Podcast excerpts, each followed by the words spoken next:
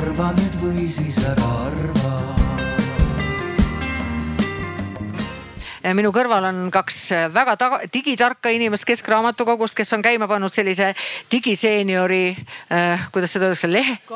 Skype'i, grupi, et siin on siis Iivi, edasi Sandra, noor inimene, kes kohe väga tark on selles asjas. minuga sarnane vanaema, vanaema äh, Sirje ja lapselaps Leene nii et see on see seltskond, kes siin, kes siin oma arvamust siitpoolt avaldab, mina üritan seda juhtida nii, nii palju, kui, kui ma saan ree peale, et, et kordan veel kord, et ma ise olen, olen väga aldis kuulama seda, mida teie räägite, mis kogemused teil on.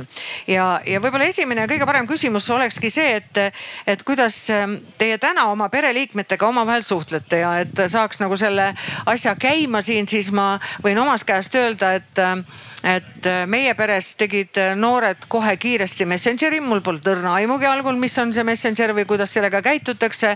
Nad tegid selle äh, ja meil on oma perekonna Grande Familia, kus me suhtleme siis kuni tänase päevani kõikvõimalikel teemadel, me saadame pilte, me räägime, mis on juhtunud.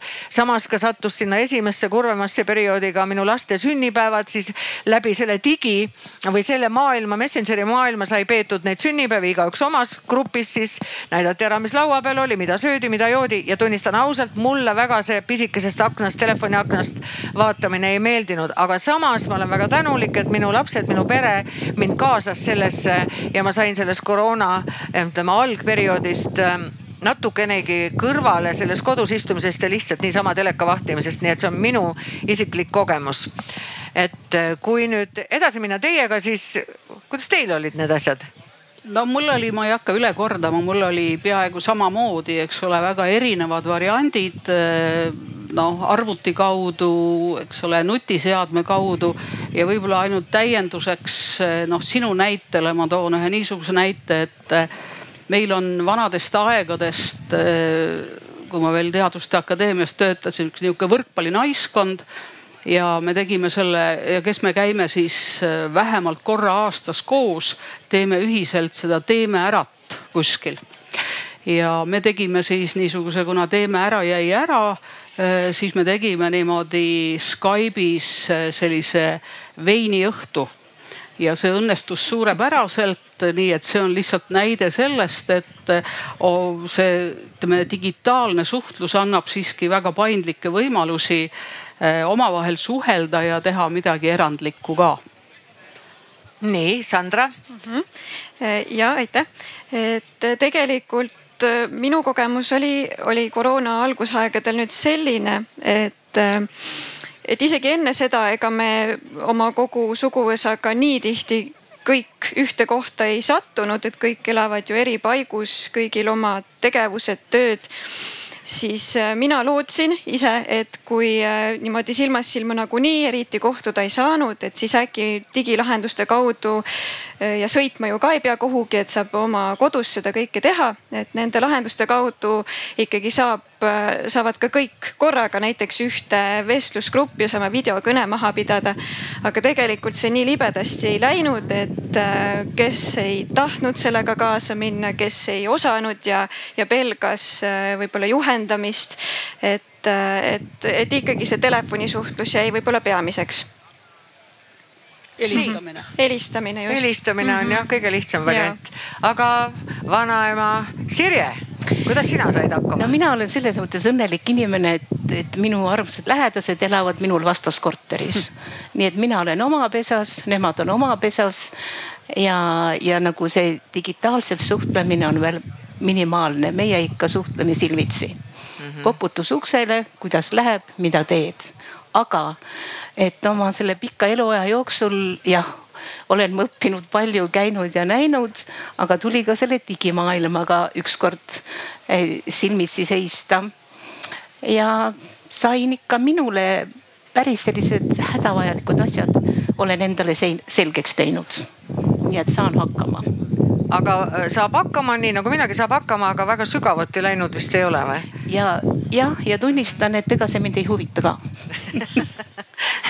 Sirje, aga kuidas sa teiste vanaemadega siis äh, suhtlesid, kui oli koroonaaeg näiteks? teiste vanaemadega, mul on neid vanaemasid, aga meil on oma selline väike padjaklubi grupp kus me siis väikeseid kokkusaamisi või noh, vestlusi viisime läbi, aga, aga jah. füüsiliselt?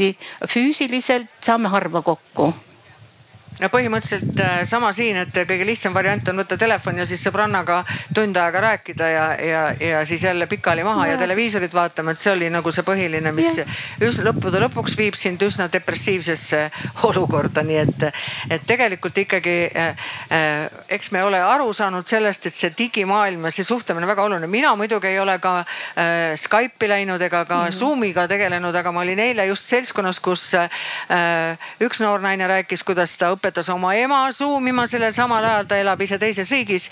ja see lõppes sellega, et lõpuks ema saadab talle kevadeti ööbikulaulu Zoom'i kaudu, sest nii selgeks sai selle, et, et ikkagi, ikkagi on see väga oluline meile praegu selles ajas, kus me elame kas on äkki keegi tahab praegu sekkuda ja siin küsida midagi, öelda, oma kogemust rääkida? ei ole veel? No aga siis läheme edasi, et, et ma ennekõike, kui me, kui me läheme nii-öelda põhi, põhiteemade juurde, mida meil on siin päris palju iseenesest, et no me rääkisime ka nendest suhtlusvõimalustest, siis rääkige teie kahekesi siin, Ivi ja Sandra, mis maailm, mis asi see, see, see teie nii-öelda, mis see siis on, digiseeniori eh, tegevus seal Keskraamatukogus on, mida see endast kujutab? see sai alguse tegelikult eh, hoopis millestki muust kui see koroona kevad tekkis. et äh, Tallinna Keskraamatukogus nähti, et äh, ja saadi aru, et selline distantseeritus ja, ja piirangud, et see tekitab vaieldamatult üksildust. Ja sellele on vaja leevendust. Ja leiti ja, ja katsetati, loodi sellised Skype'i vestlusklubid ja, ja tegelikult äh, sinna siis liitus ka, ka inimesi ja kõik läks väga hästi, aga nendes, nende seas siis äh, tekkis osadel huvi ka nende digiteemade vastu. ja, ja siis järk-järgult irdusidki nendest vestlejatest need, kes tahtsid just digiteemadel rääkida ja nendest saidki ajapikku digiseeniurid. Äh, selline selline mõnus grupp, kellega ja, ja kellele siis neid digioskusi edasi anda et ühesõnaga mm -hmm. teie majas, teie Keskraamatukogus äh, saab äh, ükskõik milliseid teadmisi, lihtsalt sul peab olema sellest tahtmine, soov, uudishimu, et tulla ja küsida, kuidas saada hakkama ühe või teise digiteemalise teenusega või mis iganes. just, et kõik, kõik saabki alguse sellest sisemisest motivatsioonist, aga meie ainult ootamegi, et tulge ainult küsige, meie aitame, meil on palju võimalusi ja, ja meil on väga suur soov Äh, ja võimekus seda teha. aga tagasiside on kuidas? tagasiside on fantastiline, et võib-olla sellest saab ka siin Iivi ise rääkida, et mis, mis tema arvab. no mina olen tõepoolest siis selle Keskraamatukogu äh, juures tegutseva Skype'i grupi digiseenior. no me ise vaatame seda digiseenioride gruppi niimoodi kuuskümmend viis pluss ja see kuuskümmend viis pluss on nagu teatud mõttes selline mõtteline piir, kus inimesed tasapisi hakkavad jääma pensionile. ja siis tekib nagu kaks momenti. esiteks hakkavad need äh, varasematest töökohtadest olemasolevad äh, digiteadmised nagu väga kiiresti alla käima sellepärast et ei ole enam töökaaslasi, töökaaslasi, kelle hulgas oleks siis neid äh, digitarku inimesi, kelle käes niisugust nipet-näpet kogu aeg küsida. ja teine moment on siis see, et äh, hakkas see tõepoolest peale, nii nagu Sandra ütles, äh, niimoodi suhtlemishuvist et ega need noored inimesed, kes seda gruppi organiseerivad, need on, nendel on ju ka keeruline aru saada, mida need kuuskümmend viis pluss inimesed tegelikult tahavad ja esimeses lähenduses siis neile tundus, et nad tahavad põhiliselt äh, omavahel suhelda. aga kuna nad olid ju no, ikkagi võõrad inimesed, siis noh, kes tahtis suhelda, kes ei tahtnud. mina oma mõttes nimetasin seda siis nagu jututoaks ja siis mingi tõepoolest sopistus seal välja üks selline grupeering, kellele tundus, et võiks midagi õppida ka, digiteadmisi ja siis tekkis nagu õpituba aga see jututuba jäi ka nagu alles, nii et tegelikult on Keskraamatukoguga seotud äh, inimestel valik, kas ta tahab osaleda seal jututoas või ta tahab äh, osaleda õpitoas. ja õpituba siis kontsentreerus äh, noh sellisele valdkonnale mida see kuuskümmend viis pluss vanusegrupp nagu suhteliselt kehvalt oskab, need on üldnimetusega digiteadmised ja, ja noh, Sandra võib siin muidugi värvikaid lugusid, eks ole, rääkida, kuidasmoodi see õpetamine on käinud. sa oled seal nüüd umbes aasta vist. umbes aasta. umbes just. aasta mm. -hmm noh, ma võin omalt poolt ka niimoodi mõne lihtsalt nüansi tuua, kui keeruline neid seeniore on õpetada näiteks seal noh, kuna me Skype'is suhtleme ja Sandra jagab siis oma arvuti või siis nutitelefoni ekraani ja siis me vaatame, kuidas mingid asjad seal nagu toimivad. see kõik salvestatakse, see Skype'i grupp, mis kestab siis poolteist tundi ja siis me pärast saame sealtsamast Skype'i keskkonnast, kes tahab midagi uuesti vaadata, kes tahab seda omale arvutisse äh, salvestada, ta saab oma tuttavatele siis pärast seda jagada. nii et toimub nagu niisugune difusiooni efekt, et äh, see läheb palju suuremasse gruppi, kui tegelikult on see grupp äh, iseenesest. noh, ühe nihukese värvika näite me saame kogu aeg seal seda Sandra, kui ta meile midagi õpetab, ka kommenteerida. ja vot väga Sandral, kuna tema on noor inimene, tema kasutab väga väikest hiirt oma arvutiekraanil. Ja siis digiseenioridest tuli üks niisugune palve, et palun tee hiir suuremaks et ekraanil oleks paremini näha, see näitab seda, et niisugused väiksed asjad tegelikult kõik eh, midagi mängivad. Ja Sandra siis tegi oma hiirest roti niimoodi piltlikult öeldes, et seenioridel oleks seda mõnusam nagu noh, nii-öelda jälgida ja see on nüüd niimoodi kestnud ja, ja rõõm, rõõm on öelda, et sügisest, eh, sügisest see raamatukogul, ma saan aru, on valmidus sellega jätkata ja Sandral on valmidus sellega jätkata. Mm, üks asi, mis noh, mida mina olen nagu kogu aeg üritanud propageerida, et teeme selle grupi suuremaks et tegelikult on ükskõik, kas seal grupis on näiteks kaheksa inimest korraga või viisteist inimest korraga või mis iganes. aga noh, see on praegu keeruline olnud Äh, kuna raamatukogul on tundunud, et väga suur grupp võib, võib nagu juhitamatuks muutuda, aga nüüd on see Tallinna Keskraamatukogu võtnud ka niisuguse initsiatiivi, et kuna kõikides Tallinna linnaosades on ka need rahvaraamatukogud ehk filiaalid, siis vajadusel käivitub ka nendes filiaalides, noh, ütleme Mustamäel ja Õismäel ja, ja Nõmmel nendes raamatukogudes samasugused äh, kas siis õpitoad või, või jututoad. aga noh, see on alles ütleme niisuguses algusjärgus aga noh, mida kõige rohkem ma nüüd ütlen jälle niimoodi seeniori seisukohalt, mida kõige rohkem vaja on, on vaja niisugust seenioride äh, isiklikku initsiatiivi ja, ja niisugune üle keskmise uudishimu. vaat kui siin Sirje rääkis oma kogemusest, et tal on väga hea, et vastas korteris, et mõlemad teevad ukse lahti ja, ja siis üle koridori suhtlevad, et pole vaja seda digivärki. aga, aga noh, mulle tundub, et, et see lihtsalt on ka, sellel on palju suurem mõju, et, et me oleme ka see digitarkus tegelikult on meie põlvkonnale oluline ja, ja noh, kui pärast sellest koroona ajast, ma ei tea, Reet, eks ole, siin juttu veab, et siis see ju tõestas erakordselt hästi, äh, kui suur puudus on see, kui äh, seenioride vanusegrupi inimesed äh, ei oska digitaalselt ennast väljendada, ehk siis hakkama saada, saada kriisiolukorras no ma võin kohe, kohe raputada tuhka jälle endale pähe, et äh, tunnistan ausalt, et äh, ma olen täna siin selle digipassiga, mis mul on paberkandjal, sest ma ei saanud hakkama sellega, et seda telefoni lüüa. minu jaoks oli see natuke keeruline.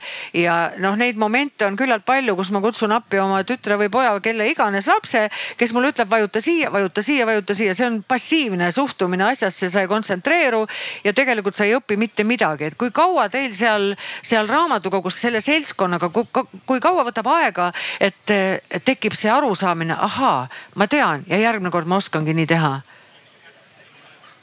ikka harjutamise küsimus jah. ikka, ikka harjutama peab, aga seda tegelikult, miks üldse mulle seda ka, ma arvan, et see on väga oluline, aga mulle ka isiklikult meeldib seda väga-väga teha. sellepärast, et ma näen, meil on see Skype'i selline grupp et ka nende kohtumiste vahepeal saavad seeniorid küsida küsimusi, mina vastan neile, kes jagab materjale ja nii edasi. aga tihti, kui meil on just sellised äh, teemad läbi võetud, mis, mis ongi selline konkreetne oskus, näiteks meil oli äh, eelmise aasta siis jõulude paiku äh, kohe mitu-mitu korda vaatasime, kuidas ühes internetikeskkonnas luua väga toredaid õnnitluskaarte. ja, ja, ja minu jaoks oli, oli niivõrd soojendav ja, ja ma tundsin, et ma olen midagi ära teinud, kui, kui ma nägin, et, et sinnasamasse Skype'i gruppi postitati siis neid samu kaarte. et näidati, mis on juba valmis tehtud, mis oskused on ja samas küsiti juurde, ah ma ei, ma ei saanud päris aru, kuidas seda teha ja siis saime jälle kõik asjad üle rääkida.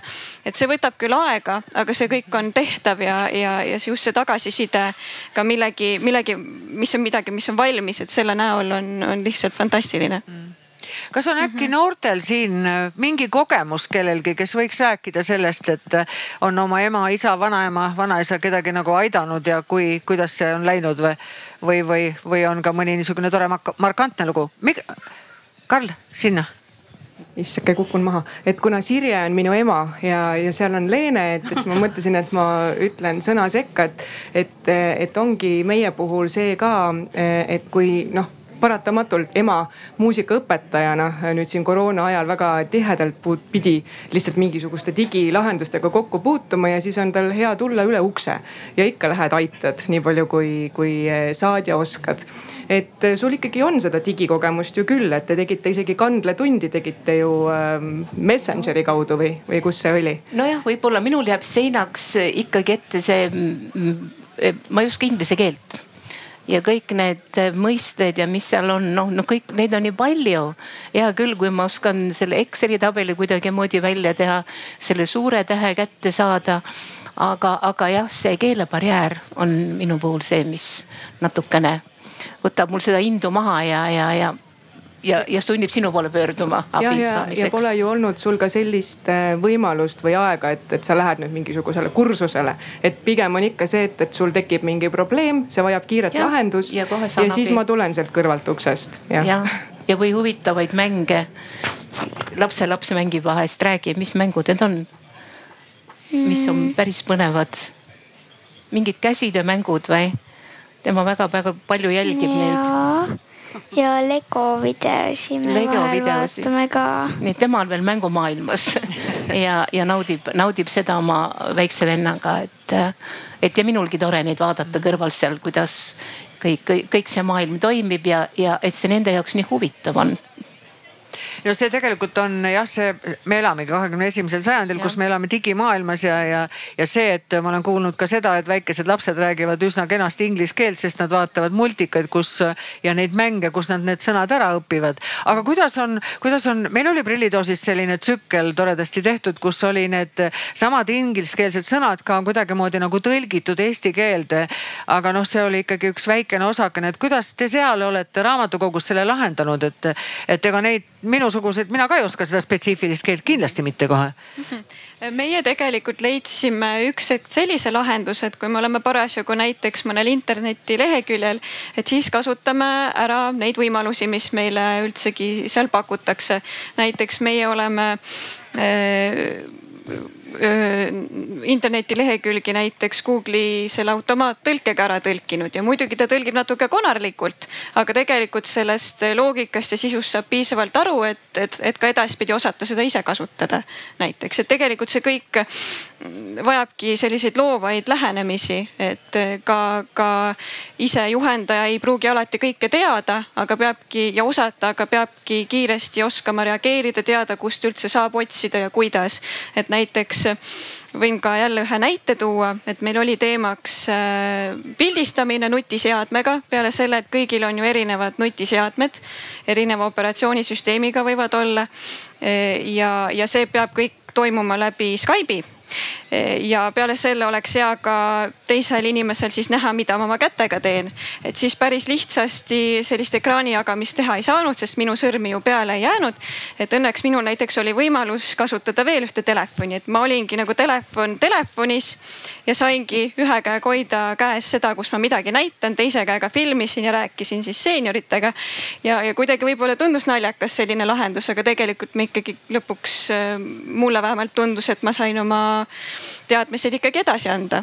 Et tulebki lihtsalt loovalt läheneda. Aga kui palju sellises ütleme õpetuses nagu, nagu teie praegu teete, palju selles mängib see nii-öelda see äh, hirm astuda üle selle lävepaku, et ma kardan, et äkki mina ka kardan mõnikord, kui ma pean midagi tegema, isegi siis, kui lapsed mind juhendavad, äkki ma vajutan vale nupu peale ja kõik on vastu taevast läinud ja, ja, ja ongi kogu minu info läinud sinna, kuhu ta ei pea minema. et kui palju see toimib, see, et kuidas sellest jagu saada siis sellest hirmust või, või, või ma ei julge või ma kardan? no ma võin öelda, ütleme nüüd Äh, digiseenioride positsioonilt, et äh, eks need digiseeniorid on ka väga erineva ettevalmistusega. väga palju sõltub sellest, et missugusel töökohal keegi on töötanud ennem, kui ta siis on nagu pensionile jäänud, kas tal on arvutikogemus väiksem või suurem aga üks probleem, mis seda barjääri küsimust, noh, ma ei ütle, et päriselt maha võtab, aga pehmendab, on see, et kõik need Skype'i äh, koolitused, mis Sandra on meile siis teinud, kus me osa küsimusi oleme ise nagu äh, välja pakkunud, mida me tahaksime teada, kuna kõik see salvestub sinnasamasse Skype'i. Ja kuu aega Skype'i keskkond võimaldab kuu aega seda salvestust järele vaadata, aga võimaldab seda ka oma arvutisse salvestada ja, ja noh, enamik seal meie digiseeniorides on, on niisugune seltskond, kes kasutab korraga arvuti pluss nutitelefon. Ja kui see on nüüd arvutis olemas juba salvestatuna, see video, ta võtab küll suhteliselt palju mahtu, aga seda võib ju ka edasi panna siis selle välisele kõvakettale, siis alati on võimalik seda üle vaadata. Ja alati on võimalik oma tutvusringkonnas seda jagada, kui keegi noh, nii-öelda tahab seda teha. aga noh, kui ma ütlen, kuna eks ole, Reet püstitas küsimuse selle barjäärist, iseenesest see barjäär on hästi oluline teema. noh, näiteid elust enesest, mul on üks äh, väga hea sõber, kes on ka vanusegrupis seitsekümmend pluss ja kellele siis eh, juubeliks lapsed niimoodi suureliselt kinkisid eh, nutitelefoni, ta kasutas si eh, sinnamaani nuputelefoni ja andsid selle karbi väga pidulikult üle. ja nüüd on juba kolmas aasta ja see karp koos selle uue nutitelefoniga seisab tal, seisab tal sahtli nurgas ja põhjus on väga lihtne. noortel lastel ei ole aega ja võib-olla ka oskusi, et teha selle seadme nii-öelda alg Äh, eks ole, valmisolekut seda saaks niimoodi kasutama hakata, nagu sellel inimesel vaja on. ja vot siin on nüüd niisugune barjäär ees, et sellest barjäärist ta ise läbi ei murra. kuna ta on mul nii hea tuttav, siis ma tegelikult tean, kuidas mina saaksin sellest, aidata tal sellest barjäärist läbi minna. ja see on nii, kui ma lähen tema juurde, me noh, käime üksteisel külas, ütlen, et kuule, võtame selle sul sealt sahtlist välja ja hakkame koos seda nüüd nii-öelda seda legot kokku panema. aga mina noh, pean ennast nihukeseks keskmiseks äh, digivõimekusega inimeseks oma vanusegrupis. aga mul ei ole niisugust digivõimekust, et ma võtaksin selle välja ja aitaksin selle algseadistuse teha. ehk siis äh, see on nüüd minu nagu mõte niisugustele äriühingutele, kes võiksid olla empaatilised äriühingud ja kes pakuvad neid teenust eks ole, inimestele, kus seda nutiseadmeid kasutatakse. et see ei pea olema tasuta, kui ma ostan või kui keegi ostab selle seadme, noh, oletame mingist telekomi firmast või kust iganes. et tal oleks võimalik saada sellesama spetsialisti käest see algseadistuse teenus see võib olla tasuline, kui ta on muidugi hirmsa rahaga, siis ei ole seda sest seeniore alati piirab teatud niisugune eelarve, eks ole, vähesus. aga kui see teenus oleks niimoodi mõistliku hinnaga, siis tegelikult seenioride hulgas oleks üsna palju inimesi, kes noh, neid seadmeid palju rohkem ostaksid, neid nutiseadmeid. Aga vot see algseadistuse teema on nüüd niisugune teema, mis kindlasti on oluline. Ma võin repli repliigi, ah, tuleb küsimus, väga hea, aga visake palun see mikrofon siia härrale. ma, ma es..., ma vastan ära ja siis annan talle. aa, okei, jah, väga hea. Eh, Reet, teie sellele probleemile, mis teie ütlesite, see, see, see, see pole, see, see on nii paljudel see, et te ütlesite, et, et kui laadisite seda alla, eks ju, see on ju täiesti tavaline, kui te seda tööd teeksite iga päev, siis me ju kõik oskaksime seda. ja kui me, kui me seda asja ei vaja, siis äh, väga paljud asjad lähevad meelest ära ja, ja et, et nii, nii on ka, ma arvan, sedasama pidas Sirje meeles. et, et me saame nagu nende asjadega hakkama, aga on osa asju, mida me iga päev ei kasuta oma töös. ja siis me neid ei oska, aga abi saab ikkagi. aga see, mis nüüd öeldi, see, et see barjäär, kus see, see seadistamine, vot see on küll tõeline teema. et, et, et need uued asjad, aga, aga palun. aitäh opa. Eh, tere, et tahaksin natukene juhtida tähelepanu või esitada küsimust ühe eh, teise barjääri kohta. nimelt siin, eh, kui me räägime dialoogist, dialoogikultuurist, siis tegelikult siin on väga ilus ütlus, vanaema, pane see mulle meilile. aga mina tean teatud vanusegruppides lapsi, ka kooliõpilasi, kellel ei ole e-posti ja ütleme, me elame praegu maailmas, kus on hästi palju kommunikatsiooniplatvorme, ma arvan, paljudele ka sõna Skype noorematele paneb õlgu kehitama, eks ole. ja paljud näiteks kasutavad Whatsappi paljud kasutavad Messengeri, noh, ma võiksin seda loetelu jätkata, aeg lõpeks ennem otsa ja ma ei teagi, kas adresseerida nüüd noorematele või vanematele osalejatele minu küsimus kõlas nii, et eh, kas nooremad on alati läbi mõelnud eh, sünkroonse ja asünkroonse suhtluse ehk sellist suhtlust, mis sa pead kohe reageerima, kohe vastama ja sellist suhtlust, kus sa vaatad mingid sõnumid läbi näiteks korra päevas. ja võib-olla keegi tuleviku tundja oskab öelda, milline suhtlusplatvorm äh, on domineeriv näiteks kahe, kolme, nelja aasta pärast. kas on Whatsapp? no igatahes ei ole see Skype. aitäh, kas Sandra tahad sa vastata sellele? Ivi või Sandra, teie teate kas ma, jah mm. Mm -hmm. ei muidugi, me võime mõlemad Sandraga vastata, igaüks oma vaatepunktist, aga ole hea. ega see on väga hea küsimus et ega niimoodi tulevikku päris prognoosida kohe ei oskagi, aga tegelikult jah, ma usun, et ikkagi populaarsemaks jäävad need, kus, kus võib-olla ei ole pigem seda vajadust, et, et need inimesed ühel ja teisel pool on, on praegu siin ja samas, aga midagi vahepealset nagu näiteks see Messenger.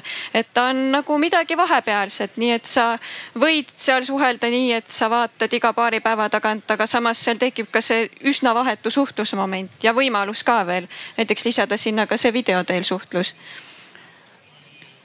ma vastan nüüd äh, Tiidu küsimusele, äh, Tiidu küsimusele niimoodi seeniori seisukohalt, et, äh, et see on niimoodi, et kett üks kett on nii tugev, kui on tema kõige nõrgem lüli.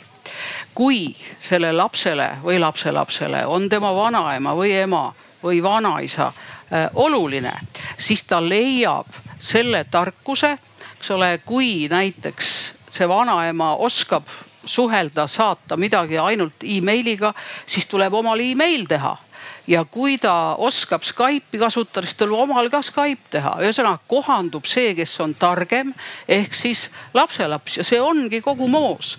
sellepärast, et targem kohandub, mina arvan, et see on ainus viis eh, edasi jõuda selles seda tüüpi barjääris, see tegelikult on näiline barjäär, mitte päris. sest äh, noorem põlvkond, noh, ma kujutan ette, et Sandra võib ükskõik missuguses keskkonnas oma vanaemaga, eks ole, vahetada, ta lihtsalt kohandub ja, ja laadib äh, omale selle alla, sest ma näen, kuidas ta on meiega kohandunud, meil on ju kõigil erinevad nutitelefonid, noh arvutid enam-vähem on kõigil üks ja sama Windowsiga. kuigi on seal ka paar Apple'i arvutiga ja siis eh, Sandra on siiamaani suutnud eh, kõigiga kohanduda. ehk siis mina alati olen toonud, noh olles ise ka pedagoog olnud varasemalt eh, ma toon nagu selle, selle näite, et mis vahe on pedagoogil ja heal pedagoogil kui natuke vanemaealiseid koolitada. pedagoog on see, kes räägib, mida ta teab ja oskab. ja hea pedagoog on see, kes räägib, mida õpilane ei tea ehk siis vot see teisendus tuleb sellel noorel põlvkonnal ise ära teha, et ta räägiks seda, mida auditoorium ei tea, mitte seda, mida mina tean. sest kui ta räägib kogu aeg seda, mida mina tean, siis ei teki mitte mingisugust dialoogi, see on välistatud aitäh, seal on üks küsimus, ma näen käsi põsakil. ja kommentaar tegelikult, mina Katre ja Teliast olen ja tahtsin selle barjääri juurde tagasi pöörduda, millest eelnevalt räägiti ja üles kutsuda julgelt pöörduma Telia esindustesse või siis, äh, kui te näete kuskil äh, Telia inimesi liikvel. Nad aitavad võtta vana telefon kaasa, uus telefon kaasa, seadistame ära, vaatame, et andmed saaks korrektselt liigutatud ühest telefonist teise. ja, ja keegi ei vaata paha pilguga või ei imesta, et miks te pöördute, alati aitame. reklaamiminutid, aga oluline siinkohal mm. üles kutsuda, julgelt kasutama ma võin repliigi korras vahele öelda, siin oli juttu sellest äh, üldse sellest nutitelefoni saamisest, sest tõepoolest vanematel inimestel väga paljudel pole olemaski seda veel, ma tean väga palju inimesi, kes näppudega numbreid valivad. Ja minu seitsmekümnendaks sünnipäevaks, ma tean, taustaks taheti kinkida mulle nutitelefon ja üks peatoimetaja ütles, ta ei saa sellega hakkama ja nad ei kinkinud seda. siis ma vihastasin ja läksin ostsin endale selle telefoni. aga see sattus olema vist liiga keeruline, et siis oli juba need inimesed, kes olid targemad minust, juba jäid ka jänni teatud asjadega, mida oli vaja seal kustutada. et, et noh, siis tekib nagu see trots, et miks te arvate, et mina kui seitsekümmend pluss ei saa sellega hakkama, et ma pean saama, et, et ma muidugi julgen ikka veel korrata seda, et ma täna noh, paljuski veel pean õppima ja palju juurde õppima ja, ja ei ole ma teadlikult Facebookis ega ka Instagramis, et need on minu jaoks noh, see on minu, minu maailm, kus mina kuulun ja saan hakkama täpselt nende asjadega, mida mul on igapäevases elus vaja. küsimus tuli sealt või? Ja, või kommentaar? ja et lihtsalt ka kommentaar, et hea soovitus Telialt, aga näiteks Paides ei ole Telia esindust äh, juba vist üle aasta, et, et tegelikult ei ole inimestel kuskile minna mm. -hmm no vot, see on ka probleem, aga ma näen, et on tulnud üsna palju küsimusi ka meil äh, televaatajatelt, et ahaa, näete, kas teie arvates on tehnoloogia noorte ja eakate vahelist suhtlemist muutnud kehvemaks ja kui, siis miks, kes vastab sellele? ma oma isikliku kogemuse pealt küll ei saa seda öelda, aga noorte ja eakate vahelist suhtlemist muutnud kehvemaks. aga mina oskan ainult öelda, et on paremaks muutnud ja sellepärast ei oska ka vastata, et kas kehvemaks, et miks on kehvemaks muutunud, ma ei oska isegi hüpoteesi välja pakkuda, miks see võiks kehvemaks. kehvemaks selles mõttes, et kui pidada silmas seda koroonaperioodi, et enam füüsiliselt kokku ei puutunud. et siis küll, aga, aga noh, ütleme, kui suhtlemise kvaliteeti rääkida, siis loomulikult, eks ole noh, nii-öelda silmast silma suhtlemine on hoopis midagi muud võimal- võrreldes nüüd mingisuguse digitaalse suhtlusega mm. -hmm. aga samas digitaalsel suhtlusel, kui sa näiteks Skype'is või sa näed ju silmi ehk siis äh, saab ka noh, natuke emotsiooni sellesse suhtlusesse panna, igal juhul rohkem emotsiooni kui telefonikõne, noh minu taipamist mööda. et ikka nägu näha jah. Jah, ma arvan, et see et tehnoloogia mitte kuidagi ei ole seda kehvemaks, suhtlust kehvemaks muutnud, pigem eh, muidugi peab selline silmast silma nägemine ka ikkagi alles jääma, et ei saa, ei tohiks eh, või oleks ideaalne, kui, kui jääks ainult selliseks tehnoloogia põhi, põhiseks suhtluseks, aga mina leian, et tehnoloogia ikkagi rikastab seda suhtlust ja võimaldab seda teha hoopis teistel, teistel viisidel. et võimaldab lihtsalt annab sellist lisaväärtust juurde, et see võiks ka olla sealjuures ja tegelikult on need äh, vanemad inimesed, ütleme suures plaanis jah, muidugi on, on äh, meid igasuguseid, me on neid, keda ei huvita üldse see, see nii-öelda see tehnoloogia ja on neid, kes kohe väga uudishimulikud on. olen oma töös väga palju nendega kokku puutunud, et lõppkokkuvõttes äh, aeg on edasi läinud, tehnika on nii arenenud, et sa tahad muidugi ka ju kuulata, olla teada. ma, ma käisin hiljuti äh, hooldekodus vaatamas ühte vanaprouat, kes on üheksakümne aastane ja pime, täiesti pime. ja see, kui ma temaga rääkisin, ta oli e-raamatut kõik läbi lugenud, ma ütlesin, mul ei ole enam mitte midagi lugeda, ma olen kõik läbi lugenud. samas ta kuulas raadiot, ta teadis rohkem seda inside infot, kui mina teadsin, ta teadis, kes on kes, ainult ütles, kuule kirjelda mulle, kuidas Sten Teppan välja näeb, et noh, et ma kuulan raadiot, aga ma ei tea, missuke ta on. et ühesõnaga ka see, et see inimene, kes on üheksakümmend, et ta, ta on ikkagi uudishimulik kõik selles maailmas ja see on see, mida me peaksime nagu kuidagimoodi tagant lükkama, et me kõik oleksime sellised, me, kes me oleme nüüd siin ületanud selle seitsmekümne või, või kuuskümmend pluss alates sellest, et, et see on hästi oluline, see tehnika areng ja meie muutus sellega koos. aga järgmine küsimus, mis sealt tuleks veel? Ah, küsimus lapselapsele, kas sa tahaksid, et vanaema kasutaks rohkem nutiseadmeid ja internetti? No.. minu arust on tal kõik olemas ja tal ei ole rohkem neid asju vaja, sest et ta saab nende asjadega, mis tal on olemas, saab nendega hakkama. jah, ega vanaema või ennast üle pingutada. ahah, aga sa ei ütle vahest, et noh, et kuidas sa ei tea, sest see on ju nii lihtne mm,. ei ole minu arust öelnud küll. aga õpetanud oled teda, aidanud mm,? ja vahepeal, kui ta midagi ei leia ülesse, siis ma panen talle selle ette. ma arvan, et sinu abi läheb mul varsti rohkem vaja, sa lähed minust ette, kui juba, juba suuremaks kasvad ja targemaks saad kuule Leene, äh, mul on sulle ka tegelikult üks, üks, üks küsimus, et äh, noh, sina oled nüüd, vanaema võttis sind täna siia kaasa ja te olete nagu ütleme, niisugused head digisõbrad oma vanaemaga ja. aga ütle seda, et kas sa näiteks oma sõpradega, noh, kes on umbes sama vanad, sa oled kaksteist, ma saan aru, jah üksteist. üksteist oled, no vot nii. või oma klassikaaslastega, kas te vahel räägite nüüd ka noh, kui on koroonaaeg olnud, eks ole, kas te räägite ka sellest, et, et vot sina näiteks ütled, et noh, mida sina näiteks oma vanaemale näitasid kuskil seal arvutis või internetis. Nemad ütlevad, kas te sel teemal omavahel räägite ka, ühesõnaga et kuidas need vanaemadega seal digitaalselt suhelda või te ei räägi omavahel sellest? ei räägi üldse. ei räägi jah? Neil on omad jutud ilmselt vanaemad sinna ei mahu. kuule Leene, aga tead, äkki ma, ma, ma kingiksin sulle ühe idee. on sul kunagi ideed kingitud? ei ole? no vot, siis on esimest korda. ma kingin sulle sellise idee või noh, mõtle selle üle, äkki see idee kõnetab sind. et eh, oma klassis te võiksite teha ju ühe niisuguse digivanaemade grupi või digivanaisade, digivanaemade ja digivanaisade grupi kus te nagu püüate oma vanaisad ja vanaemad mingisuguses internetikeskkonnas, olgu see Skype või olgu see Zoom või olgu see midagi muud kokku viia.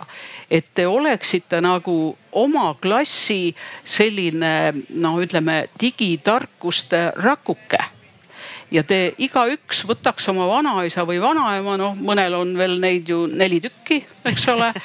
ja, ja te prooviksite nad omavahel panna suhtlema selles digimaailmas.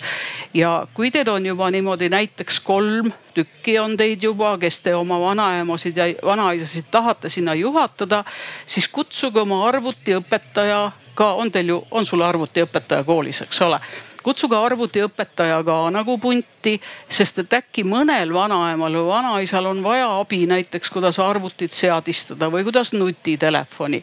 et tehke ennast niimoodi noh, ütleme selliseks digigrupiks ja, ja teie vanaemad ja vanaisad saaksid omavahel suhelda, et kuidas see tundub sulle, et kas sul oleks nagu klassikaaslasi, kes tuleks selle mõttega kaasa või kas see tundub sulle, vaata öeldakse nii, et kas mäng väärib küünlaid, et mis sa arvad, et kas suudaksid sihukese asja ära teha? no ei tea, no siis seal oleks päris palju abi vaja teistelt sõpradelt, aga minu arust on see päris hea mõte. no vot ja, ja võib-olla, et need teie, sinu, eks ole, klassikaaslaste mõned vanaemad, vanaisad ka omavahel tunnevad. et ja siis hakkaks mõni vanaema, vanaema küsi, küsima, et, et kuule oma lapselapse, et näed, teised seal juba suhtlevad kuskil, aga sina pole mind üldse sinna digigruppi juhatanud. mõtle selle üle, äkki, äkki on selles mingi iva aasta pärast saame rääkida. jah no siin oligi selja taga küsimus, et kuidas lapselaps ja vanavanem omavahel igapäevaselt suhtlevad siin paneelis. no tegelikult vastused tulid siit peaaegu ära, aga mul oleks väga tore teada, et vanemad vanemad härrad ja daamid, et te kuulete seda juttu, et kas, kuidas teie nendesse asjadesse suhtute, et siin ma näen, et kas keegi oleks nõus nagu sõna võtma. Naeratate küll seal. Aga ei taha kaasa rääkida. et see on ju tegelikult ikkagi meie elu, meie igapäevaelu tänasel päeval ups. Äh, tere, äh, meie peres on lahendatud asi nii, et lapsed ja põhiliselt lapsed veel panustavad aega meile ja aeg kulub selle õppimiseks, mida me ei tea. täiesti kellast kellani. kohe paika pandud niimoodi või? Geniaalne täiesti. Aitäh, siin see oli küsimus, kuidas, see läks juba mööda, kuidas raamatukogus abi, kuhu pöörduda, oli küsimus läks eest ära juba ja tuli järgmine, aga ma lugesin sealt, et kuidas, kui tahaks sealt raamatukogust abi saada, kuhu mhm. tulla, kuhu, oh täpselt, mida pean tegema, et raamatukogust abi saada, kuhu pean pöörduma? et äh, näiteks ma saan siis nüüd Tallinna Keskraamatukogu kohta rääkida, et tegelikult juba piisab sellest, et kasvõi kui meil oli nüüd teemaks selline äh, ütleme nutiseadme algseadistamine, et kasvõi selle murega, et nüüd käisin nüüd poes ära seade olemas karbis, et kuhu, mis nüüd edasi, kasvõi selle küsimusega võib lihtsalt jalutada raamatukokku ja juba äh, raamatukogu hoidjad saavad aidata. et peale selle, et lihtsalt spontaanselt võib tulla mingi üksiku murega äh, pakume me ka koolitusi ka teatud teemadel, näiteks ongi arvuti algõppekoolitus, kus me võtamegi järk-järgult läbi erinevad teemad ja see ei pea jääma kõik ka ühekordseks äh, tegevuseks, et kui on suurem huvi, äh, rohkem küsimusi, on soovi sellest valdkonnas rohkem teada saada, siis saab seda teha ka niimoodi jätkuvalt. et minu üks kõige selline südantsoojendavam kogemus oli see, kuidas mul käis mitme kuu jooksul üks äh, naisterahvas, kes ei olnud, kellel oli väga suur huvi aga tal ei olnud kodus endal arvutit ja ta ei olnud isegi hiirt kordagi käes hoidnud, absoluutselt. ja ta pöördus raamatukokku, kuulis, et raamatukogus ikkagi midagi sellist õppida saab. ja nii ta käiski kohe mitu kuud ja, ja lõpuks äh, me jõudsime sinnamaale, kus tal oli äh, see noh, meil on siis raamatukogus võimalik meil ongi olemas arvutid, et endal ei peagi olema alguses arvutit näiteks ja nutiseadet ka mitte. võibki tulla meie arvutite taha õppima. ja, ja lõpuks oligi nii, et ta saatis juba lastelastele email'e, pani sinna pilte manusesse, ta tegime Skype'i konto, ta oskas juba äh, videokõnes osaleda ja, ja lihtsalt näha seda progressi, see on, see on lihtsalt vaimustav. et see kõik on võimalik, et raamatukogu selliseid asju pakub väga hea, väga hea. nii, veel on küsimus, mis te arvate, kas täna noortel olevatel inimestel on, on samuti vanaduspõlve veetes tehnoloogiaga raskem hakkama saada? tänastel noortel siis, et ilmselt on mõeldud siin seda, et tehnika areng on nii kiire, et siis me oleme juba, ma ei tea, seitsmendas taevas nende teadmistega, et kuidas, kes sellele tahaks siis vastata? Või on siin noored, kes vastavad sellele? kas on, kas on, kas võib tulla probleeme vanaduspõlve veet, vanaduspõlve veetes tehnoloogiaga raske? tahetakse vastata. kes oskab, kes oskab prognoosida oma elu viiekümne aasta pärast? ei oska. E-, ega me tõesti ju ei tea, et, et, et, et mis siis on, kui meie oleme vanad, aga, aga ma arvan, et näiteks minu põlvkonnal on kuidagi sisse kodeeritud see, et sa oled pidevalt nagu valmis õppima uusi asju. et ega mina ka ei ole mingi Exceli ekspert või, või ma ei tea, Zoom'i ekspert, aga, aga kui on sul see reaalne vajadus, siis sa lihtsalt leiad lahenduse, et, et meil on võib-olla oskus, ma ei tea, ennast aidata ja võib-olla see on meil nii nagu teie põlvkonnal põlvkonnal on vene keelega, et noh. et see on teiega kuidagi kaasa tulnud, et meil on võib-olla selline nagu mingi nuti, nutikeel siis eh, kaasa tulnud või me oleme selles keskkonnas elanud. aga ma tahtsin veel öelda raamatukogudele tänuks, et eh, ma tean, et Järvamaa Keskraamatukogu on olnud nüüd eh, abiks ka näiteks nende koroonatõendite printimisel, et see on ülioluline, sest meil tulevad ka Paide Muusikateatrimaja inimesed, tahavad tulla kinno ja noh, tal pole õrna aimugi, kustkohast ta selle QR koodi peaks kätte saama, tal ei ole ka nutitelefoni, tal ei ole võib-olla ka emaili. et see on ülioluline, et, et raamatukogud on siin inimestele appi tulnud, aitäh selle eest. just, et ma, ma.... sealt tuleb jah ka küsimus, viska sinna edasi saada, ja aga vasta. lapsele peale visata. ja ma korraks tahtsin jah selle nutikeele kohta juurde lisada, et, et ma arvan, et mingil määral võib tõesti tulevikus see noh olla noh, eks iga, iga me saame, oleme ka kunagi vanad, eks ole, paljud asjad tunduvad natuke raskemad, aga samas, kuna me oleme praegu sellega niimoodi üles kasvanud, siis meil on lihtsalt välja kujunenud selline või no me näeme seda loogikat, kuidas see asi lihtsalt üles ehitatud on. ja ma arvan, et selle võrra on võib-olla tulevikus lihtsam neid uusi asju juba õppida mm. -hmm. noh, noor ema seal jaa, mind on kuulda jah. ja ma tahtsin põhimõtteliselt täpselt sedasama asja just öelda, et minu ah. kaheksa aastane laps sai telefoni ja ma ei mõelnud põhimõtteliselt ühte sekundit ka, et ma peaks talle seletama hakkama, kuidas see töötab. see on lihtsalt äh, nüüd juba ütleme, ma ei tea, siis imelik on öelda ema piimaga kohta tulla. et natukene on niimoodi ja et äh, et äh, ja samamoodi meil nii-öelda, mina olen kakskümmend üheksa vist jah.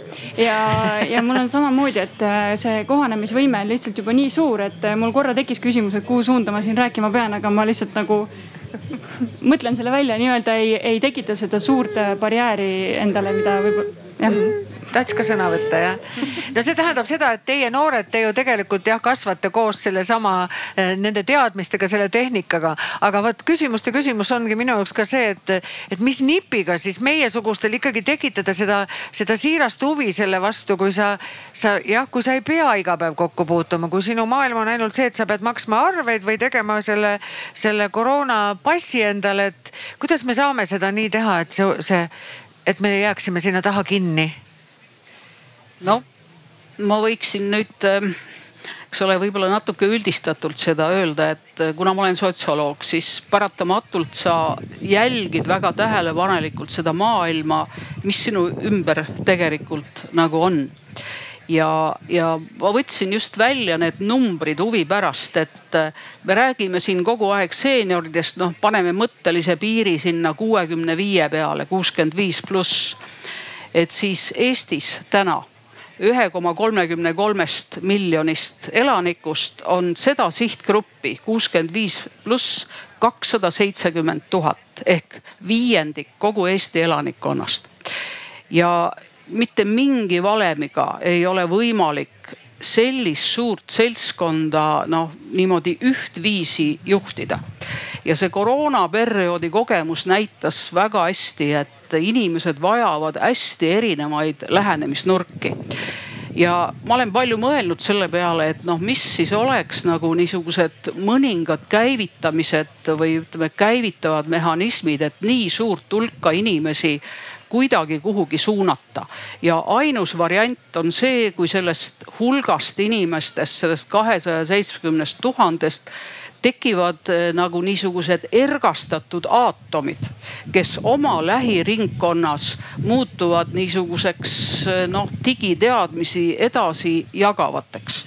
aga need inimesed, kellest saavad need ergastatud aatomid, need peavad olema muidugi kõvasti üle keskmise uudishimulikud ja, ja ma isegi ütleksin niisugused innovatiivsed, kes ei löö käega, et ah, mul ei ole seda vaja, see kõik on noorte jaoks ja noortepärane, las nemad teevad.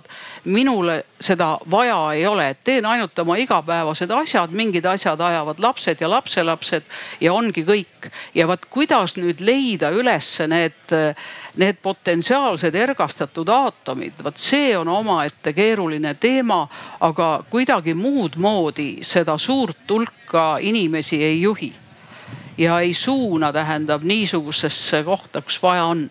sest noh, meil on nüüd see koroona kogemus, see on negatiivne kogemus, aga me saime väga hästi nagu aru sellest, et kriisiolukorras, kui on vaja kiiresti juhtida, kui sulle öeldakse raadiost, et kui te tahate rohkem infot, siis minge internetileheküljele see ja see. aga kui palju on neid inimesi selles vanusegrupis kuuskümmend viis pluss, kelle isiklikku suhet arvutiga ei ole? Neil, nad on täiesti nagu mustas augus ja vot mis nendega siis teha? nii et tegelikult see, see teema vajab nagu noh läbi mõtestamist. ja, ja noh, ma ütleks veel ühe kommentaari, et kõige hullem on see, et see kuuskümmend viis pluss vanusegrupp on ju tegelikult hall ala ükski riiklik ametkond sellega otse ei tegele. haridusministeerium tegeleb täienduskoolitusega eks ole, elukestev õpe ja kõik need niisugused suured uhked sõnad, aga nende tegevus lõpeb ära vanuses kuuskümmend neli. See täiendkoolitus ja elukestev õpe haridusministeeriumi vaates hõlmab ainult neid inimesi, kes on tööealised, ehk siis lõpeb ära järsult kuuekümne neljale sotsiaalministeerium hoolitseb selle eest, et oleks hooldekodud, oleks kõikvõimalikud niisugused äh, tervise ja sotsiaalabid. aga see on alles teatud noh, ütleme tervise ja vanuse tasemest, kui tekib vajadus niisuguste teenuste järele. aga seal vahepeal on, eks ole, mingi sajatuhandeline grupp kellega oleks vaja tegelikult mõtestatult tegeleda. sest et kui me tahame ennast väga uhkelt selleks digiriigiks nimetada, siis on väga kurb, kui need vanuse mõttes tagumised vagunid lohisevad niisama järele ja neil rattaid all ei ole, noh piltlikult öeldes, neil puudub niisugune digivõimekus. nii et et äh, siin oleks vaja sellist mõtestatud käitumist nii riigi poolt, nii kohalike omavalitsuste poolt, nii äriettevõtete poolt kui ka noh, vot niisugune noh, ma nimetaksin nüüd seda Tallinna raamatu, keskraamatukogu initsiatiivi valgustatud ametkond. Ja neid valgustatud ametkondi võiksid olla ju palju rohkem, mitte ainult üks Tallinna Keskraamatukogu nii et siin on tegelikult võimalusi, ainult seda tuleb noh natukene äh, eks ole, mõtestada ja suunata. ja, ja kõige hullem on see, kui need äh, see vanusegrupp mõtleb, et las nemad teevad, et las omavalitsus teeb, las keegi teine teeb. et meie kes me oleme kuuskümmend viis pluss siin selles pundis, eks ole. me ei tohi seda käest ära anda, me peame ise sõnastama oma probleeme, mitte ootama, et keegi teine meie eest see sõnastaks need probleemid karm jutt muidugi, et no sageli on muidugi see, et see meie sõnastamine on nagu vastu seina jooksmine peaga, et, et tegelikult nagu sa ütlesid, et see, see põlvkond on, on välja lülitatud ja me elame ju tegelikult ajas, kus ei, on kohti, kus ei ole olemas mitte mingisugust internetti, kus ei ole vett isegi, kus ei ole elektrit, et on ka need, et need inimesed mitte kunagi ei saagi üldsegi sellele reele tulla, et, et hakata õppima seda, mida me peame, et, et, et noh, tegelikult ikkagi peaks see olema riik ja, ja, ja sotsiaalosakonnad ja need, nemad peaks tegelema meie, kes meiega tegeleb?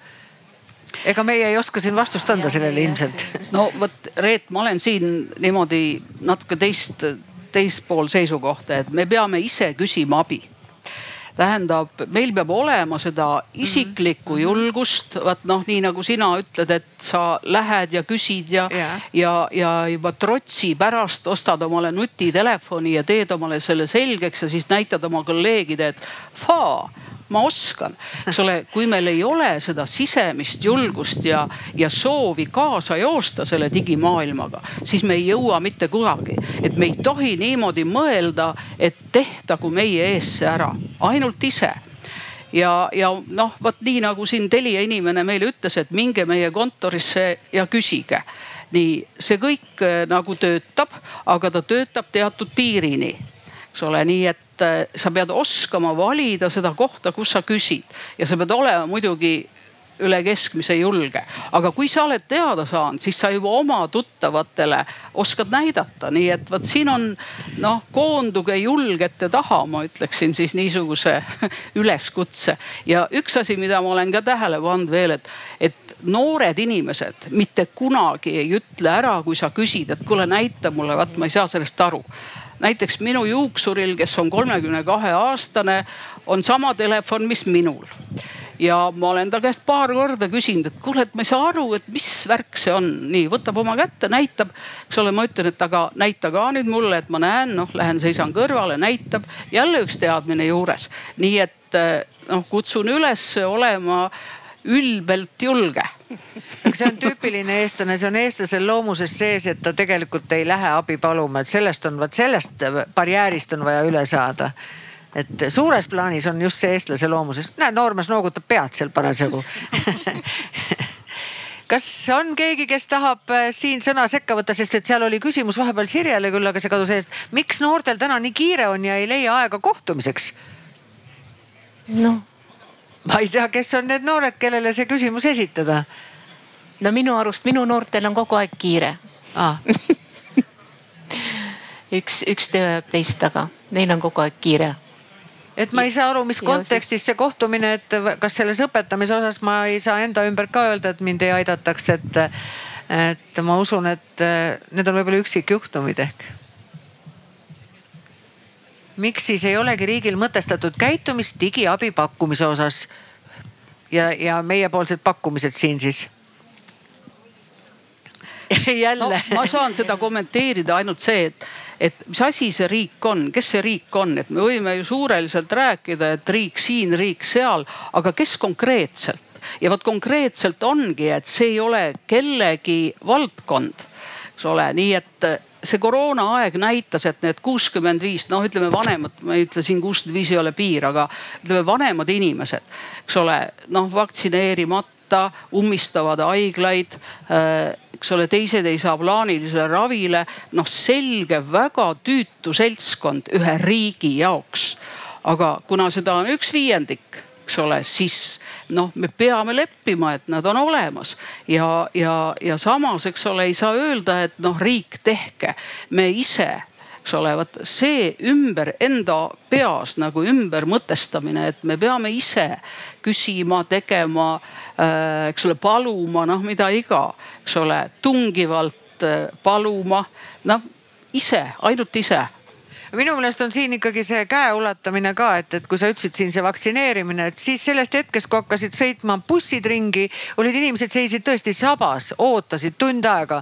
ta lihtsalt, ta, ta ei läinud, tal, tal oli vaja seda kätt ulatada, sama oleks ka selle, selle digiteenusega, et keegi peab selle käe ulatama, aga kahjuks me ei leia seda inimest, kes seda tegema hakkab või seda valdkonda no eks see läheb. sealt kõik... ikka lähedased, siis ikka needsamad noored inimesed no see ja. läheb, läheb aegamisi, vaat seesama Küs... raamatukogu initsiatiiv, eks ole mm, -hmm. valgustatud ametkonnad. noh mm -hmm., võiksid ju olla seesama kesk, Tallinna Keskraamatukogu initsiatiiv võiks ju kuhugi veel kanduda, kasvõi nendesse linnadesse, kus raamatukogudes on nagu noori inimesi, nad on võimekamad eh, et siin oleks nagu noh, teatud teatepulga ülevõtmine oleks täitsa võimalik või siis empaatilised äriettevõtted a la siin noh, ma saan aru tel, Telia alas olema ja mis iganes, eks ole. et tehke näiteks niisugune teenus, et kord nädalas mingist kellast kellani saab seenior, kui ta ostab teilt mingi toote või hakkab kasutama teie teenust, et ta saaks nagu konsultatsiooni, et olekski ette teada, et vaat seal teisipäevane päev, päeval kaheteistkümnest kella kolmeni on seenioride aeg, minge ja küsige kõike. Te peate ise siin, eks ole, et mitte nii, et ma lähen ja kügelen seal, et kas ma julgen küsida, ei julge, aga ma tean, et see kolm tundi on minu aeg ja ma võin julgelt minna ja öelda et palun abi ja, ja te olete, teil valmisolek selleks olemas. nii et siin on vaja niisuguseid koostöökokkuleppeid, ma usun, et kõik need telekomi firmad ju oma klientide suhtes oleksid nõus teatud, eks ole, empaatilisemad olema, kui nad teaksid, et selline tellimus seenioride poole pealt on olemas, nii et ise peame sõnastama. seal on noor ema tahab sekkuda jälle ja, et äh, ma arvan, et need empaatilisi noori, kes aitaks äh, tehnikat, tehnikat mõista ja sellest aru saada, on tegelikult igal sammul, et näiteks oma elust näide, et kui vanaema oli kodus ja tal oli üheksakümnes sünnipäev, siis me tegime seda Zoom'i kõnena. mu isa läks sinna, aitas tal selle asja lahti teha ja, ja need aknaid seal vahetada. kui mu sama vana, vanaema on vanadekodus, siis tegelikult need hooldajad saavad aidata videokõnesid teha. et tegelikult neid inimesi on igal pool ja mina kui töötukassa töötaja võin öelda, et näiteks kui mingi inimene satub äh, CV-d tegema ja ta ei ole samamoodi nagu siin enne kõlas, ei ole mitte kunagi hiirtki käes hoidnud, siis samamoodi äh, mina või ükskõik milline teine töötaja aitab tal äh, nii palju arvutit tundma õppida, et see CV ära teha. ja et neid, mina usun sellesse, et ei ole mõtet teha nii-öelda ühte suurt digikursust, kus me võtame läbi kõik täiesti suvalised asjad, mida inimesel mitte kunagi vaja ei lähe. et kui sa oled teatud asutuses või näiteks sa oled Telias, sa saad karbis uue telefoni, siis see on see koht, kus võiks seda telefoni äh, õppima tundma nii palju, et sa oskad vähemalt helistada. kui sul on vaja seda Zoom'i kõne lapselapsega teha, siis see lapselaps kunagi ikka ju külla tuleb ja siis küsid, kuule näita, et teeme äkki selle ka ära, et tõmba mulle siia alla ja nii edasi, et. et äh, iga, ütleme siis iga tegevuse jaoks siis äh, vastavalt tõesti julgus, julgus küsida tegelikult inimesed aitavad ja see ei pea olema seal kaheteistaastane. ka võib-olla kaks aastat noorem võib-olla oskab seda, mida sina ei oska, tasub küsida aitäh. ma tahtsin siis eh, taaskord lisada, et äh, digiseeniorite sellest Skype'i grupi selle näitel, et tegelikult mina samamoodi leian, et sellist äh, nii-öelda algselt mingisugust sellist koolituskava ei olegi mõtet üldse kokku panna. et mis, mis selle, selles grupis välja tuli ja mis mulle ka väga meeldib, et tegelikult igal seenioril selles grupis näiteks oli võimalus kaasa rääkida. et mis teemad huvitavad, mis ei huvita, kuhu võiks edasi minna, mis kõrvalepõikeid teha, mida korrata. et niimoodi kujuneski see ajapikku välja täpselt selliseks, nagu nemad ise tahavad mm.. ja see ongi oluline, et just need küsimused, mured, probleemid saavad äh, vastuse, äh, mis, mis parasjagu põlevad. Hmm. no me, ma tuletan meelde, et meil oli jah, möödunud hooajal oli, oli ka televisioonis selline lühikursus, et, et huvitav oleks teada, kui palju sellest kasu on, sest me saime ka neid kirju, et see käis nii kähku ja me ei jõudnud lugeda ja ma ei saanud midagi aru ja noh, on ka kordussaated, et, et ütleme, et mina oma selle väikse niši pealt saaksin nii palju küll aidata, et, tuleb spets, kes natukenegi räägib ja inimene saab siis kaasa teha. aga see aeg on nii üürikene, et juhul kui on selline aken, nagu ütleme, proua seal ütles, tal on kodus selline kellaaeg mingil ajal, kus lapsed tulevad ja õpetavad talle, oli nii jah? Ahah, küllatuleku ajast veel, et siis noh, siis on kindlasti lihtsam, sest et, et sa ju kümne minutiga ei õpeta ju tegelikult veel mitte midagi ära, et sa saad võib-olla selle, selle eh, pildi kätte, aga, aga mitte sügavuti, et see ei ole kontsentreerumine. et võib-olla on, on sellised väikesed saatekesed just head nagu huviäratajad, et just. tead, mida üldse on võimalik teha ja, ja siis juba uurid, et kuhu, kuhu edasi ja kuidas seda asja sügavamalt tundma õppida. no siin hea mõte, televisioon saaks kaasa aidata, kui oleks jah, nagu pikem, ütleme no no kasvõi kakskümmend minutit, eks ole, et inimene saaks kontsentreeruda selle ees, vaadata, koos kaasa teha, et see on see. aga vahepeal oli siin Sirjel üks küsimus, see läks eest ära siit, et Sirje oli, küsiti, et kui oma pere abi ei aita, kust sa siis abi küsid? Kas oli niisugune natuke provotseeriv küsimus oli noh, õnneks on mul ikka tuttavaid rohkem ja häid, häid sõbrannasid, kes ka aitavad, kes on mhm. pädevamad kui mina ja nooremad minust. saan ikka abi siin on üks küsimus meile kõigile televaatajate poolt, küsimus parim ja halvim asi digiasjade juures. noh, ma kordan veel kord, et ma ei ole väga jah, veel selle, selle digimaailma fänn, et äh, ma täpselt nii palju, kui ma saan hakkama, aga mul oli hiljaaegu selline, kus ma sain aru, et see on väga oluline. selline situatsioon siin mõned nädalad tagasi, et, et äh, vahetasin autot, ostsin uue kasutatud ja see proua, kes, kelle käest ma ostsin, võttis telefoni tšikk-tšikk-tšikk-tšikk ja ütles nii, ma olen maha kandnud selle, kõik korras. see käis niimoodi, et ma ei jõudnud silma pilgutada ja siis ma mõtlesin, mis mina nüüd edasi teen, siis ma läksin koju. siis ma võisin sellega juba sõita koju, seepärast et see oli maha võetud juba, loo alevikust tuli minna siis helistasin oma vanemale pojale, siis ütles nii, ole nüüd telefoni juures ja hoia nüüd oma telefon lahti ja arvuti lahti. nii ja nüüd kuula, mis ma sulle ütlen. vaata see lehekülg, mis seal nüüd on, eks ole, oli see transpordi, kuskile tuli minna vajuta sinna, vajutasin ära, vajuta sinna, vajutasin ära ja mul oli kõik tehtud. et Elik, see, see, see digimaailm on ikkagi tegelikult nii praktiline ja nii kasulik, et sa saad selle lühikese ajaga tehtud, kuigi ma ei õppinud sellest mitte midagi, sest ma lihtsalt vajutasin nupule. aga see halvim pool on ikkagi see, millest meil algul ka juttu oli, et see kõik on ingliskeelne ja kui ma üksi olen, siis ma tõesti paljustki, need on, need on niisugused spetsiifilised terminid, millest ma aru ei saa ja ma ei valda, ma ei ole inglise keelt õppinud, köögi inglise keele inimene ja saan ütleme reisides ja igapäevaelus hakkama, aga, aga mitte spetsiifilise keelega, need on minu, minu märkused siis. noh, ma võin öelda oma poole pealt, et parim asi selles digimaailmas minu jaoks on see, et sa saad hetkega targemaks, kui sul parajasti seda vaja on.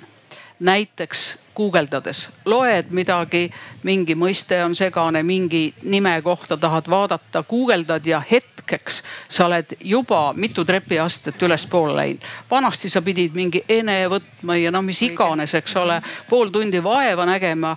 ühesõnaga see tempo, see kiirus, see targemaks saamise noh teatud asjade puhul.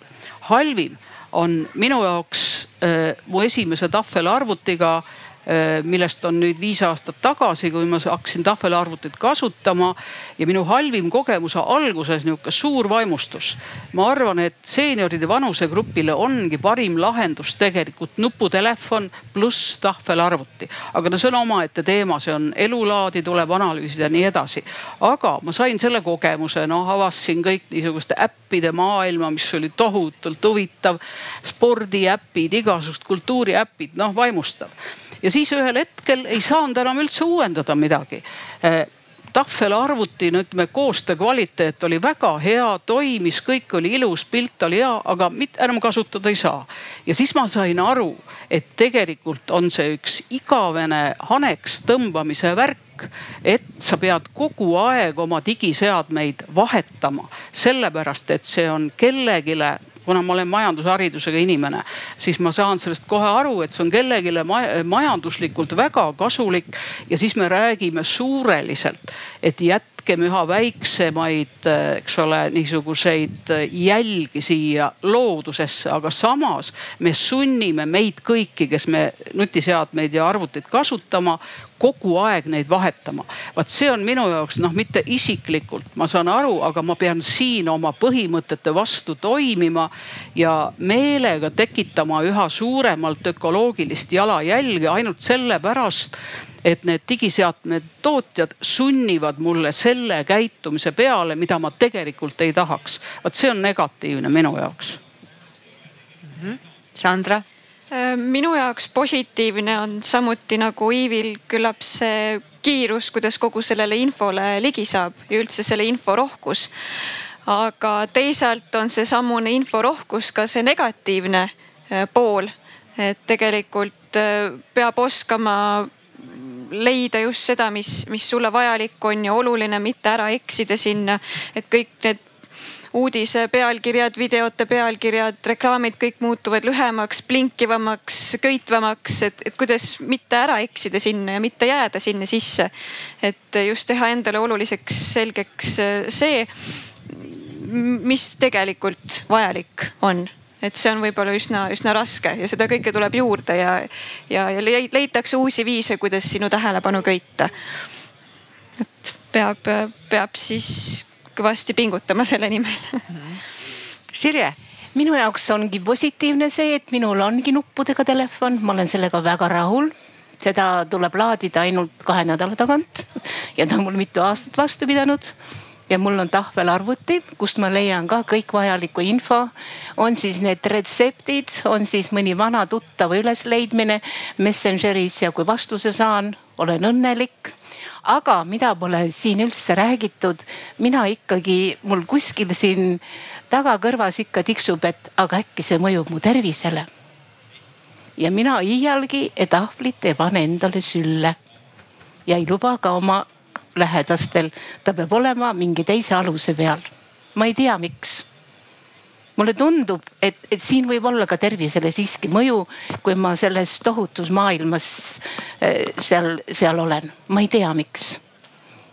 no mingid linnalegendid on levinud küll ja on kirjutatud sellest, aga sellele ja. ei oska vastust anda aga see vist on minu, meist keegi. see on nagu, nagu mm., nagu minu, minu kiiks ja, ja ma ise usun sellesse mm., nii et ma püüan jah, võimalikult vähe ja täpselt nii palju kui vaja ja võimalikult vähe mm. -hmm. Leene, kas sina oskad ka öelda, et mis selles digimaailmas on tore ja mis on, mis on see, mis sulle ei meeldi, mis on halb? halb on see, et kui sa seal kaua ja iga päev oled, siis sa võidki sinna jääda ja siis sinust saab sõltlane oh jaa ja hea asi on see, et äh, mul mõned sugulased ei ela Paides ja siis äh, ja mõned elavad üldse välismaal ja siis äh, sa saad läbi digiasjade nendega suhelda aga läbi mille sina suhtled? Arvuti või siis telefoni.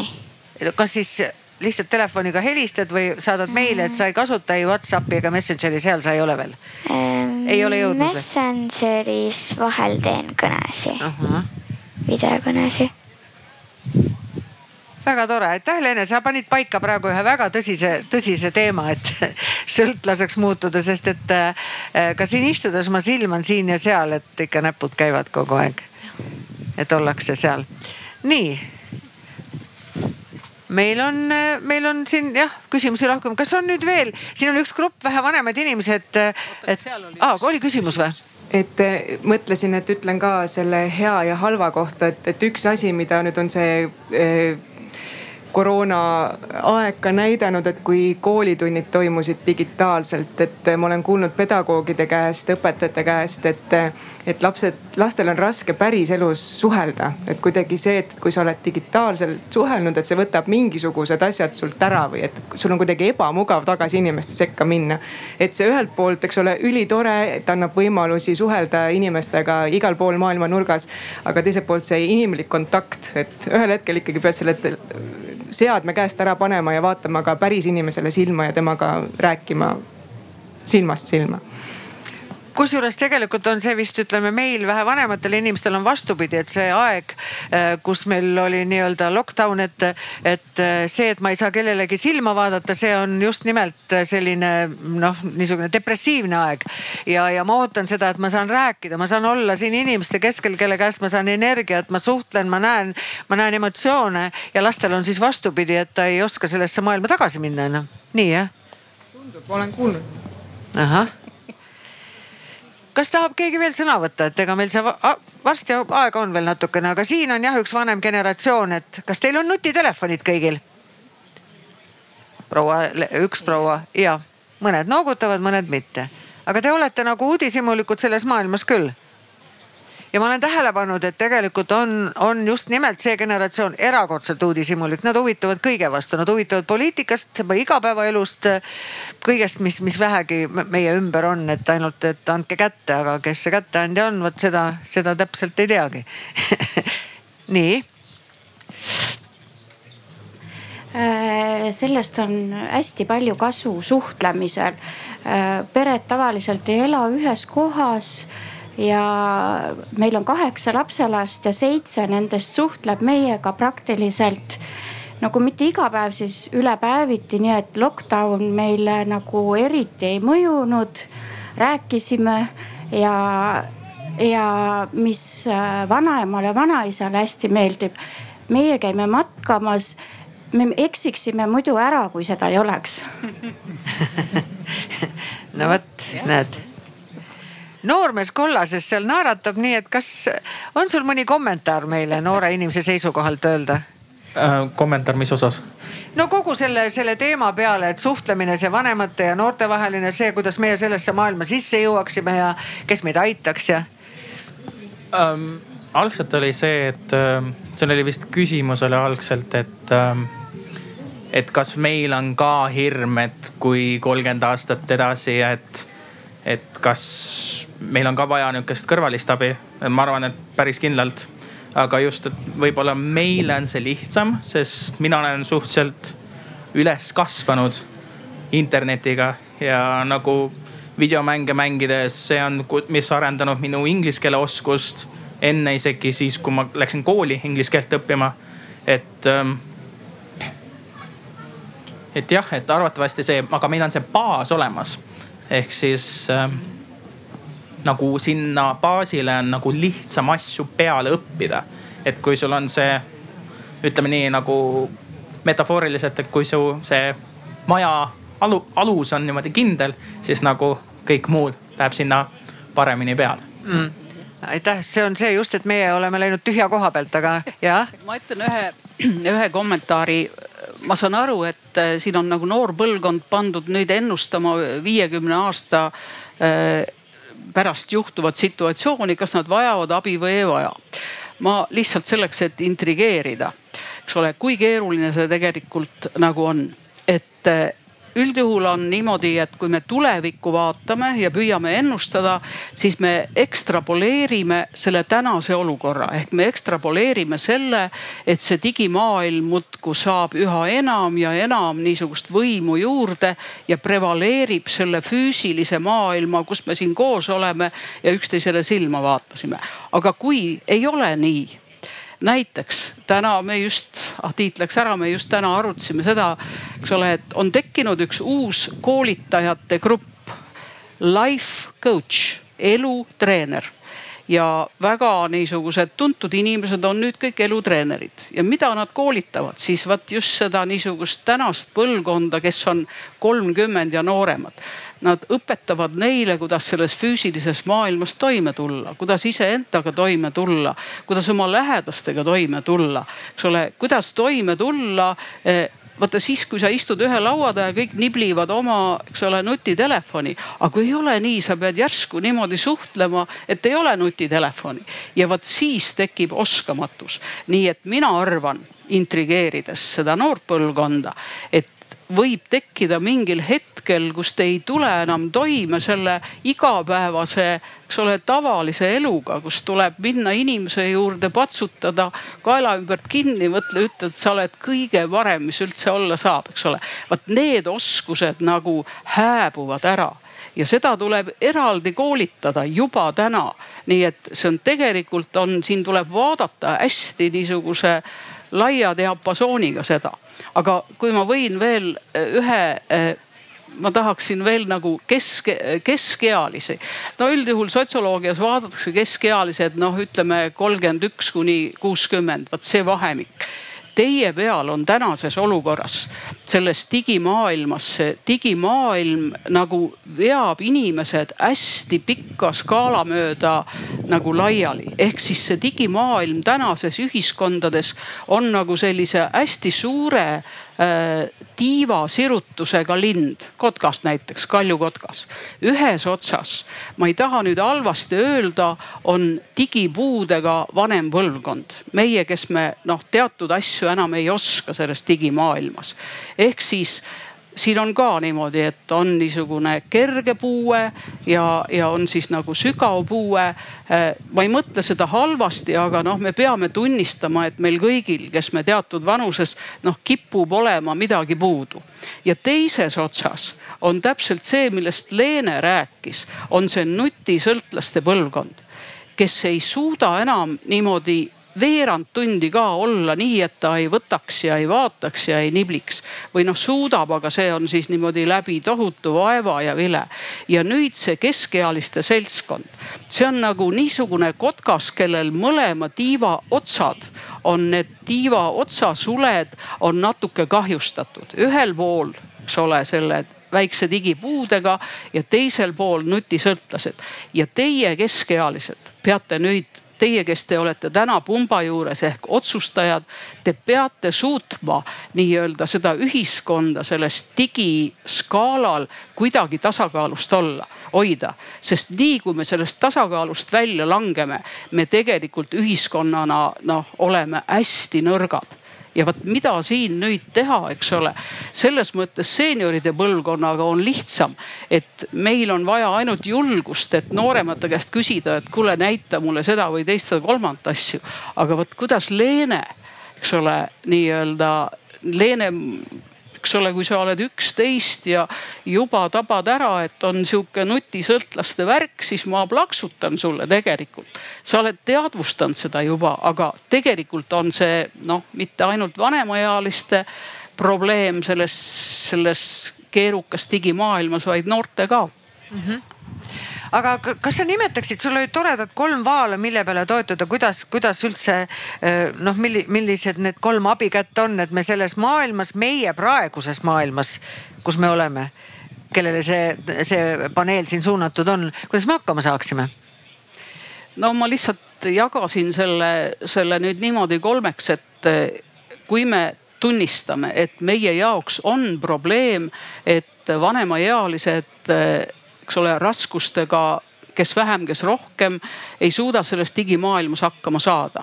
kasvõi seesama, eks ole, ei suuda ennast, tal ei ole üldse seda võimekust, tal ei ole seadmeid, et saada näiteks ennast eh, vaktsineerimisjärjekorda panna. lapsed peavad aitama, noh kell kohal viima ja nii edasi.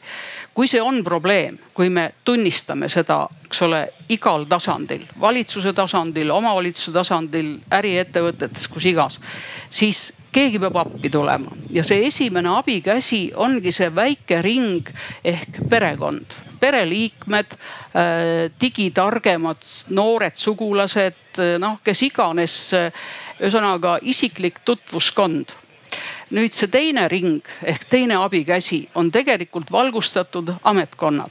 kui mingisugused ametkonnad a la raamatukogud, kes iganes leiavad, et aga me suudame aidata, kui me näiteks proovime teha ühe või teise algatuse. Eh, kes tulevad, kes tahavad koolitada, koolitavad edasi ja nii edasi. ja vaat kolmas abikäsi on siis tegelikult need empaatilised äriettevõtted joon alla sõnas empaatiline eks ole, kas näiteks kõik need telekomi firmad, eks ole, kolm meil neid Eestis või on rohkem, ma ei tea ka, aga noh, kolm põhilist konkurenti. kas te tunnetate seda, et teie kliendid on hädas? ja kui te tunnetate, et teie kliendid on hädas ja kui te eks ole, olete niivõrd ühiskonnateadlikud, et te saate aru, et see on tervele ühiskonnale probleem, siis küsige nende jaoks, mida me saaksime teha ja julgemad ütlevad teile. ja vot need on need kolm abikätt võib-olla, eks ole, noh, mille peale saaks nagu loota. see esimene väike ring, see on see, mille peale me kõik saame loota. Need on need targad lähedased. aga vot see teine ring, eks ole eh, noh, kas me suudame ise ka mingisuguseid valgustatud ametkondi tekitada või, või küsida ja nii edasi Need siis need kolm sammast, mida Reet palus. Aitäh. Meil on aeg see jutuvada siin kokku tõmmata, et kas on, keegi tahab veel, veel kommenteerida, öelda midagi, lisada? sest ja, ja kuhu me nüüd välja jõudsime, jõudsime selleni, et me nüüd oleme nüüd, nüüd tükk maad targemad või? Ja olgem Läheb... julgemad, eks ole, ise sõnastame oma probleemid ja, ja julgem küsida ja noored, näete enda kõrval kolm vanemat inimest, kolm vanaisa, kolm vanaema küsida, eks ole, kuule, on sul nutitelefonis kõiki asju oskad? noh, see on teil ka, kas te julgete, mõni, eks ole, noh, ütleb teile väga halvasti, aga mõni ütleb muidugi näita ja isegi siis, kui seda nutitelefoni ei ole, siis võib ju jah, tõesti selle tahvet, tahvelarvuti või iPad'i muretseda ja ka sedakaudu äh, asja äh, õpetada või selgemaks teha, et olla maailmaga kursis, sest ma tõesti oma kogemusest tänu sellele tööle, mida mina teen. ahah, küsimus tuleb, tean, et uudishimu on äh,. kommentaar lihtsalt sellele, et, et, äh, et seenioritele, et ärge äh, nagu julgege küsida ja ärge kartke eksida sest me, sest me kõik eksime elus ükskõik ja digi, digikultuuris ükskõik, et see eksimine on normaalne ja sellest me õpimegi. ja teeme oma baasi kindlamaks. aitäh, aitäh et see julgege küsida, et muidugi jah, lähedaste käest, aga nüüd selle Tallinna Keskraamatukogu poolt, et mina, meie lihtsalt väga-väga tahame, et see info jõuaks kõikide inimesteni, kes seda abi vajavad, et väga palju tuleb ette ikkagi seda, et ei teatagi, kust peale noh, lähedaste näiteks veel abi küsida saab ja et, et tõesti tõesti saab seda abi, et raamatukogus on tihti ette tulnud, et küsitakse, et aa, et sellised asjad ka olemas, et seda ka teete, et teeme küll. et lihtsalt see info peab jõudma nende inimesteni sellest saab kõik alguse.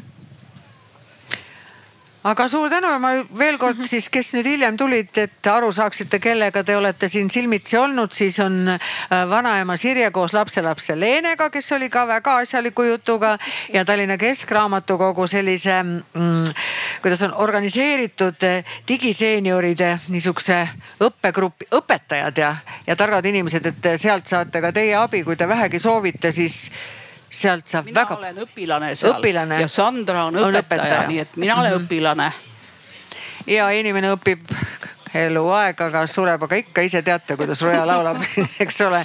mina kui telesaatejuht äh, sain hakkama esimese kogemusega äh, selles, selles, selles sektoris, mida ma varem teinud ei ole, nii et aitäh teile, et te kuulasite meid ja, ja, ja jätkame siis elamist selles digimaailmas. aitäh.